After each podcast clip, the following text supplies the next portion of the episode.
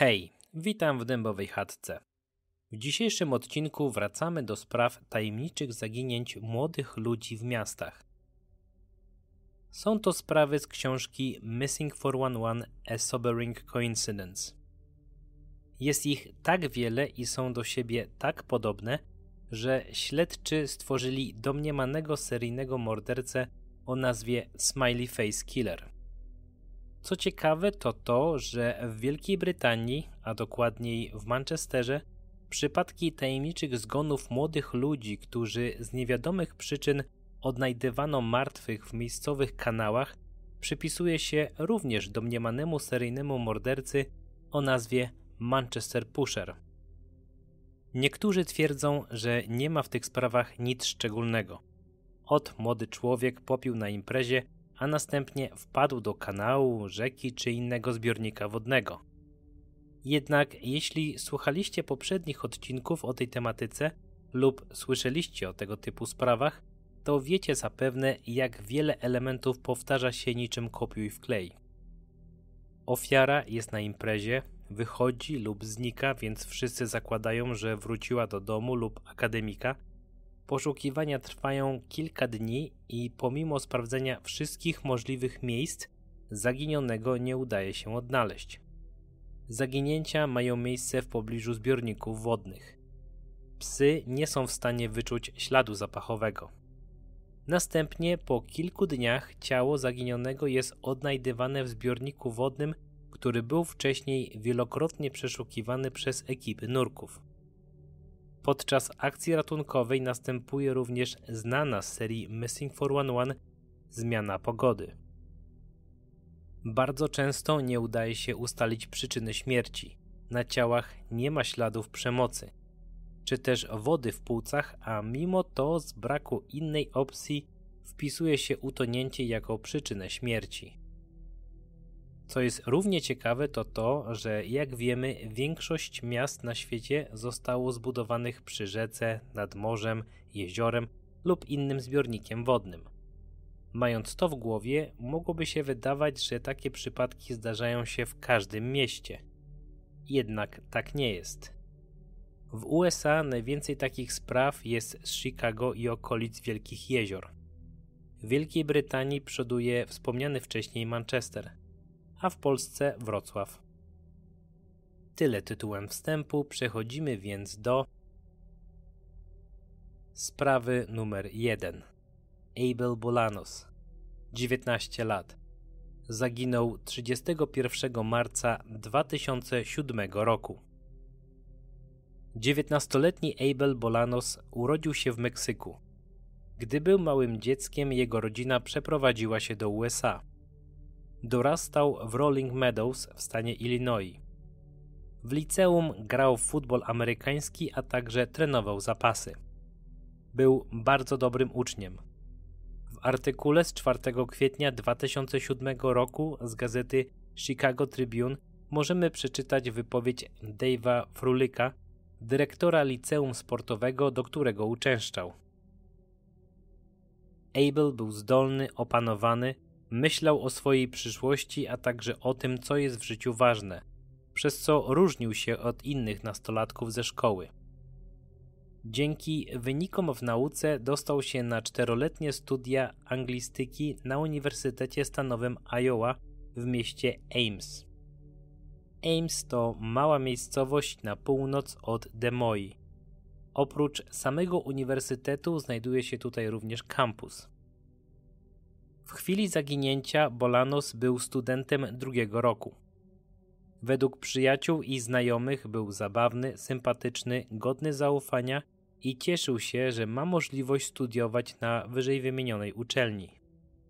Siostra mężczyzny, Merrivel, powiedziała, że Abel był niezwykle podekscytowany końcem roku i tym, że zbliża się rejestracja na jesienne zajęcia. Dziewiętnastolatek pracował podczas studiów w restauracji Red Lobster. Jego kierownik, Tainer Smart, tak opisał swojego pracownika. To był dobry dzieciak, inteligentny i odpowiedzialny. Byłem jego bezpośrednim przełożonym w kuchni. W piątek, 30 marca 2007 roku o godzinie 23 Abel zakończył swoją zmianę w Red Lobster przy 1100 Buckeye Avenue i szykował się na imprezę tuż obok kampusu uczelni. 30 minut po północy, czyli 31 marca, Bolanos pojechał i zaparkował na Lincoln Way, a następnie poszedł do mieszkania 208 South Highland Street na imprezę. Świadkowie twierdzą, że wypił sporo alkoholu. Widziano go, jak opuszcza imprezę nad ranem 31 marca i uważano, że poszedł pieszo do akademika w Wallace Hall.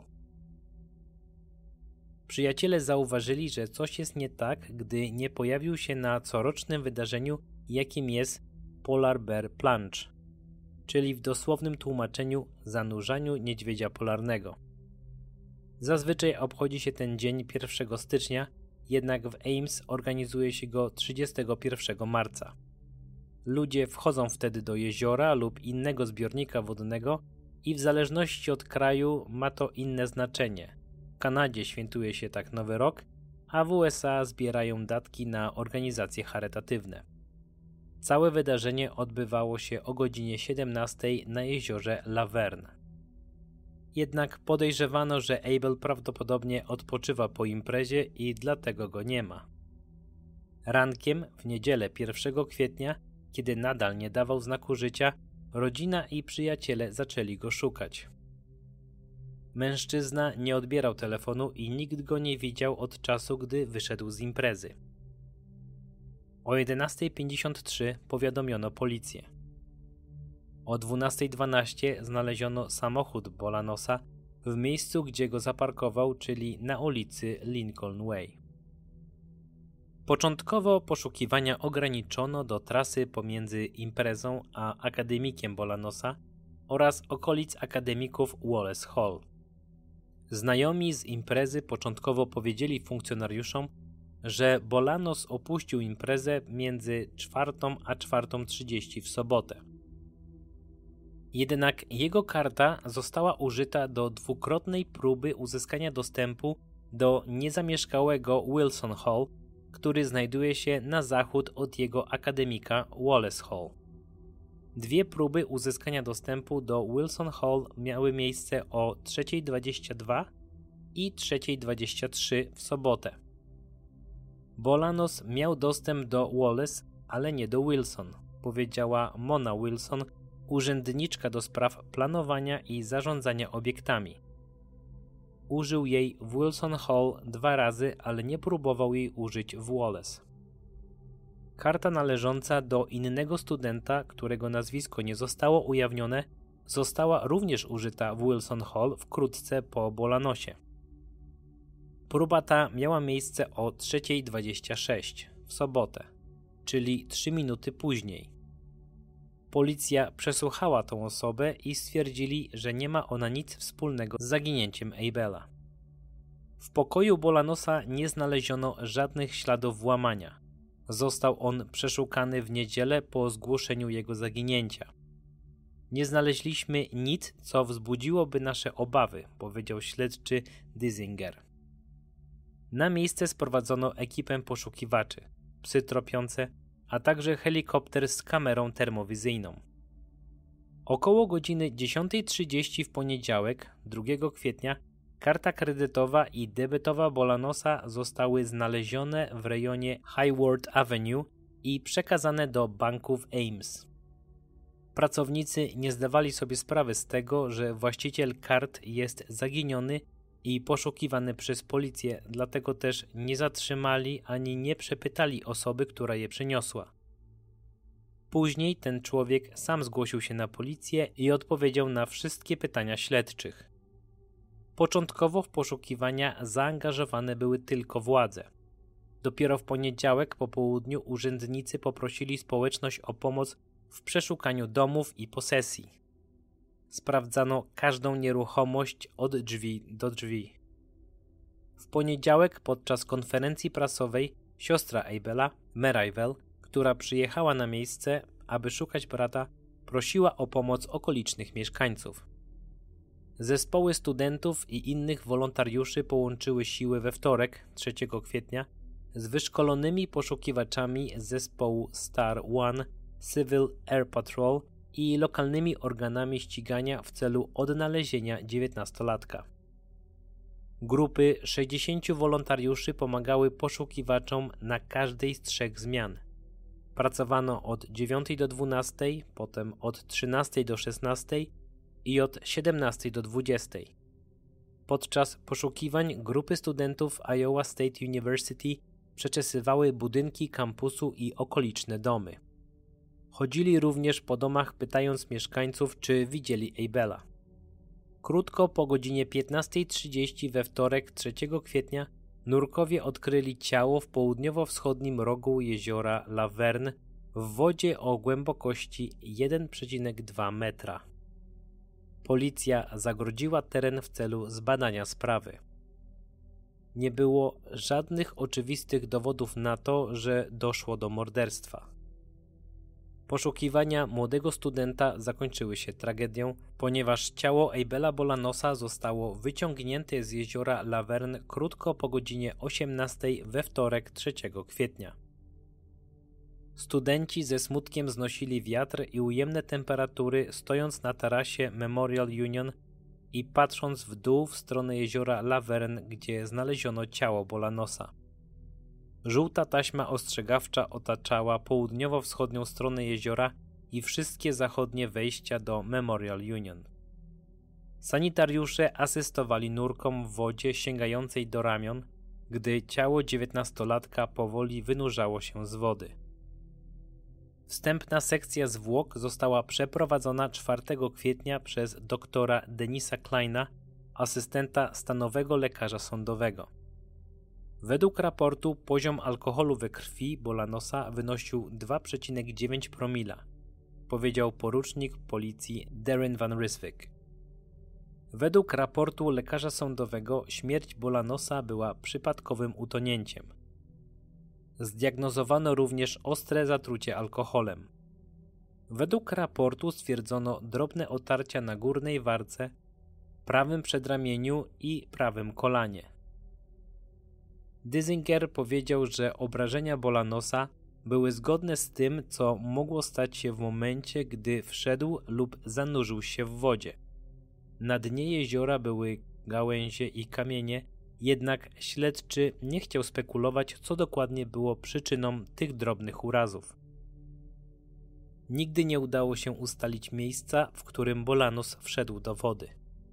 Co ciekawe, to to, że pomiędzy zniknięciem Abela a odnalezieniem jego ciała miała miejsce silna burza, co bardzo utrudniło rekonstrukcję tego incydentu.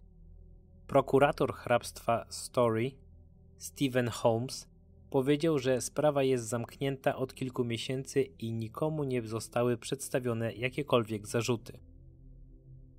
Podsumowując, nic w tej sprawie nie ma większego sensu. Abel mieszkał w akademiku ponad rok i ciężko uwierzyć, aby się zgubił. Jednak nie jest to najdziwniejsze. 31 marca w jeziorze, gdzie ostatecznie znaleziono ciało, przebywało około 100 osób. Dookoła tego zbiornika wodnego zebrała się prawdopodobnie większość mieszkańców miasta Ames. Przebywały tam również rejestrujące całe wydarzenie ekipy telewizyjne. Ciężko uwierzyć, aby nikt nie dostrzegł ciała, zwłaszcza że głębokość tego jeziora wynosi około 1,2 metra. Wygląda to tak, jakby Abel wracał z imprezy do akademika. Zdał sobie sprawę, że jest pod wpływem alkoholu, więc zostawił samochód w miejscu, w którym go zaparkował. Następnie po dotarciu na miejsce pomylił budynek, w którym mieszkał.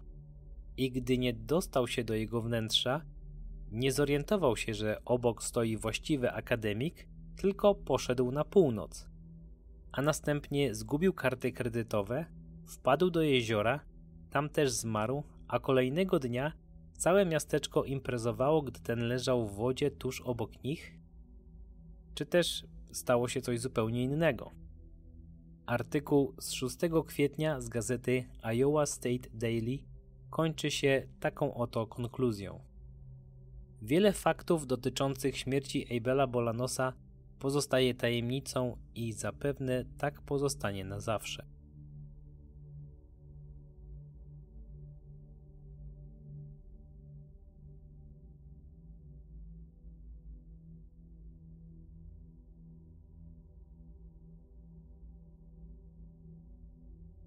Sprawa numer 2. Jeremy Hawk, 18 lat. Zaginął 1 marca 2003 roku. Jeremy ukończył Seattle Academy of Art and Science. Uwielbiał uczestniczyć w różnego rodzaju debatach, które wygrywał. Dostał się na prawo na Uniwersytecie Tulane w Nowym Orleanie. Hawk znany był z tego, że lubił dyskutować na różne tematy. W piątek, 28 lutego 2003 roku, Jeremy wybrał się wraz z kolegą na imprezę organizowaną przez braterstwo z uniwersytetu. Przyjęcie odbywało się w centrum Nowego Orleanu. Był to weekend Mardi Gras, czyli czas różnego rodzaju festiwali i parad ulicznych. 12 marca w gazecie Common News możemy przeczytać wypowiedź Marka Beneta, który był razem z Jeremim na imprezie. Nagle zaczął dziwnie się zachowywać, był agresywny bez powodu. Chciałem wyprowadzić go na zewnątrz, aby ochłonął, ale sam wyszedł. Ostatni raz mężczyzna był widziany idąc ulicą Zympel pomiędzy północą a drugą rano. Hawk zostawił na miejscu portfel i rzeczy osobiste. Nigdy nie wrócił do akademika. Jak to bywa w dużej ilości spraw zaginionych ludzi podczas ich poszukiwania, pojawiają się świadkowie, którzy twierdzą, że ich widzieli. Tak też było w tym przypadku. Rodzina Jeremiego wynajęła prywatnego detektywa. Ten dotarł do kobiety, która twierdziła, że widziała Hałka nieprzytomnego w tramwaju. Próbowała go obudzić, ale ten powiedział jedynie słowo Maurice. Zarówno świadek, jak i konduktor nie wiedzieli o co chodzi, więc poproszono go, aby wysiadł. Miało to miejsce przy alejach Jackson i St. Charles.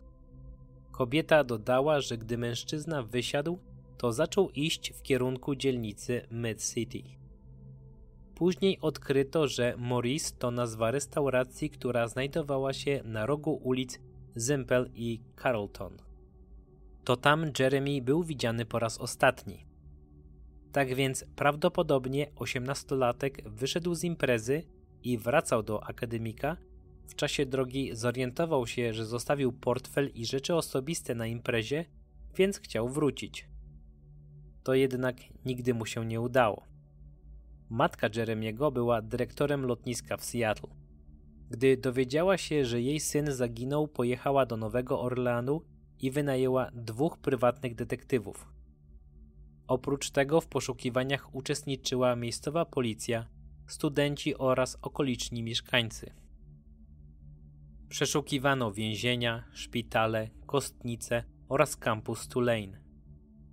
13 maja 2003 roku operatorzy holownika zauważyli ciało w rzece Mississippi w pobliżu nabrzeży w dzielnicy Lower Garden District.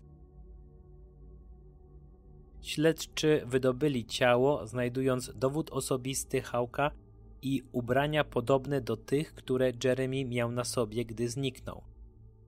Koroner potwierdził, że było to ciało zaginionego osiemnastolatka. Znaleziono je niedaleko kawiarni, do której prawdopodobnie się udał. Jeremy Hawk przybył do Nowego Orleanu z wielkimi ambicjami. Chciał zostać prezydentem Stanów Zjednoczonych, to było jego marzenie. Wstępne wyniki autopsji wykazały, że nie było żadnych śladów świadczących o popełnieniu morderstwa. Nie został postrzelony, nie został dźgnięty, nie miał złamanych kości. Prawdopodobnie utonął, jednak nadal czekamy na wyniki toksykologiczne. Pytaniem pozostaje to, w jaki sposób dostał się do wody.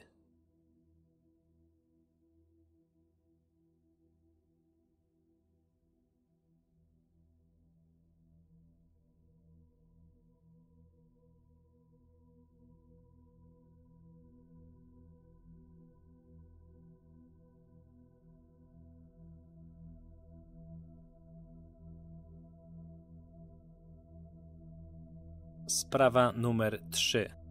Ryan C. Matt, 20 lat. Zaginął 26 kwietnia 2003 roku. Ryan mieszkał na co dzień w Plainville w stanie Connecticut. Studiował na Connecticut State University. 26 kwietnia 2003 roku pojechał z przyjaciółmi na imprezę do domu w Bidenford Pool w stanie Maine. Dom znajdował się przy Mile Stretch Road. Przyjaciele Ryana twierdzą, że był pod wpływem alkoholu i widziano go wychodzącego z imprezy około 23. Był to ostatni raz, kiedy widziano go żywego. Kiedy przyjaciele nie mogli zlokalizować Ryana, zgłoszono jego zaginięcie. Natychmiast po zniknięciu dwudziestolatka rozpoczęły się jego poszukiwania. Artykuł z 4 maja 2003 roku w gazecie The Hour tak opisywał wysiłki zmierzające do jego odnalezienia. Przez dwa dni po zgłoszeniu zaginięcia kilkaset osób i ponad tuzin agencji poszukiwało go za pomocą helikopterów, samolotów, łodzi i psów tropiących. Christopher Matt, ojciec Ryana, spędził niezliczone godziny przeszukując wybrzeże, pobliską wioskę i okoliczne dzielnice w poszukiwaniu syna. Policja zaklasyfikowała incydent jako standardowy przypadek zaginięcia osoby. Przez ponad dwa miesiące nie pojawiły się żadne informacje na temat Ryana. 28 czerwca 2003 roku żeglarze z Saco River znaleźli ciało. 2 lipca 2003 roku Bangor Daily News opublikował artykuł z informacją – Czerwona koszula w kratę i dżinsy na ciele pasują do opisu ubrania, które Matt miał na sobie w noc zaginięcia. Brakowało butów oraz skarpet. Dwudziestolatek został znaleziony około 800 metrów od brzegu, a jego portfel z dowodem osobistym 3 metry dalej. Przyczyny śmierci nie udało się ustalić. Na ciele nie było widocznych żadnych śladów przemocy. Bardzo ciekawym aspektem jest odnalezienie ciała 800 metrów od brzegu, a także portfela praktycznie tuż obok. Jeśli przebywało ono w oceanie przez ponad dwa miesiące, to fale i prądy mogły spowodować, że wysunął się on z kieszeni. Jednak dla porównania, najszersza plaża w Polsce, która znajduje się w Świnoujściu, ma miejscami prawie 200 metrów, to znaczy w najszerszym miejscu. Proszę popatrzeć na zdjęcia lub sprawdzić na internecie, ile to jest i pomnożyć tę odległość razy 4. Czy ocean mógł tak daleko zanieść zwłoki młodego studenta?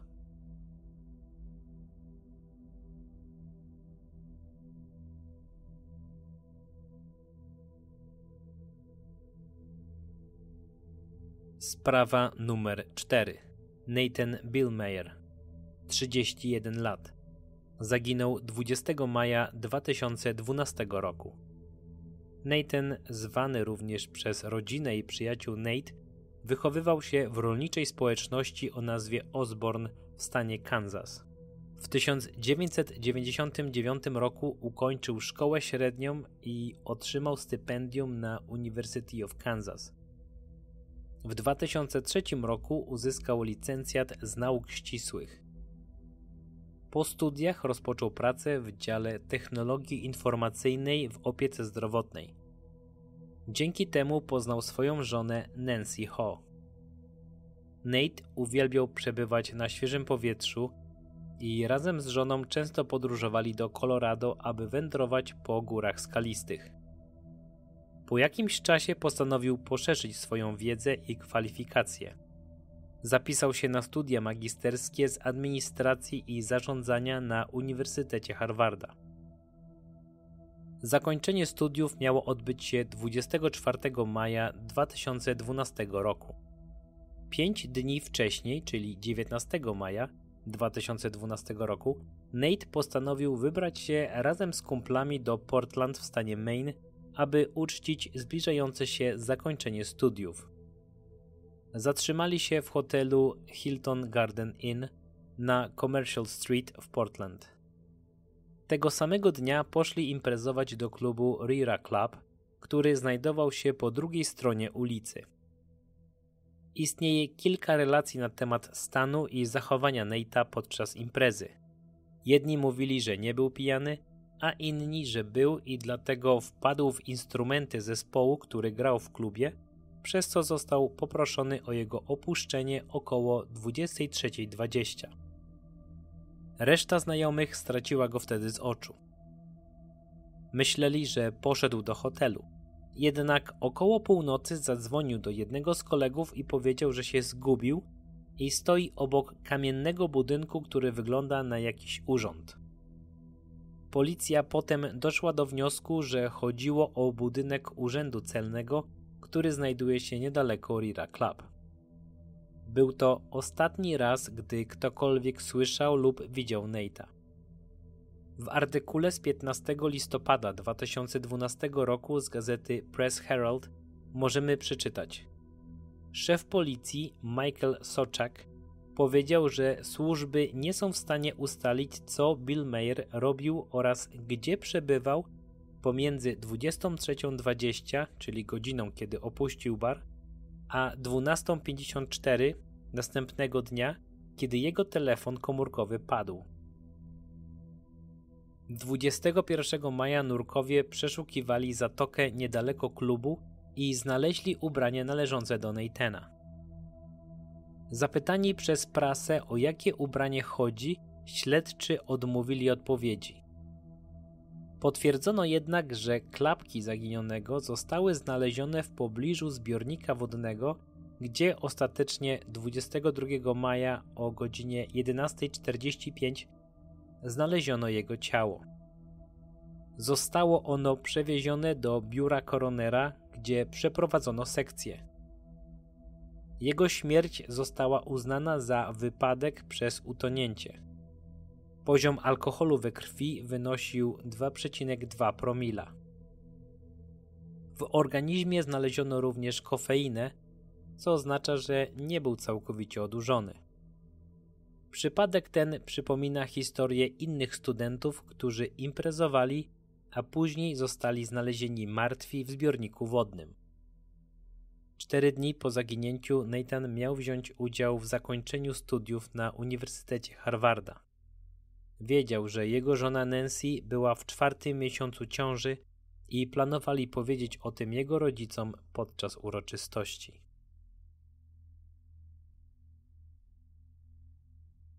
To wszystkie sprawy przygotowane w tym odcinku. Dziękuję za wysłuchanie ich do końca. Czy według Was za wszystkie te przypadki odpowiada alkohol, seryjny morderca, czy może coś zupełnie innego? Piszcie w komentarzach Wasze teorie i przypuszczenia. Jeśli chcecie wesprzeć jakoś moją pracę, zawsze możecie to zrobić poprzez Patronite lub Buy Coffee. Linki do zbiórek razem z wykazem spraw i materiałów źródłowych znajdziecie w opisie odcinka. Zawsze możecie również wspomóc promowanie dębowej chatki, udostępniając ten lub inny film na swoich portalach społecznościowych. Z góry dziękuję i do usłyszenia w kolejnym filmie o tajemniczych zaginięciach ludzi.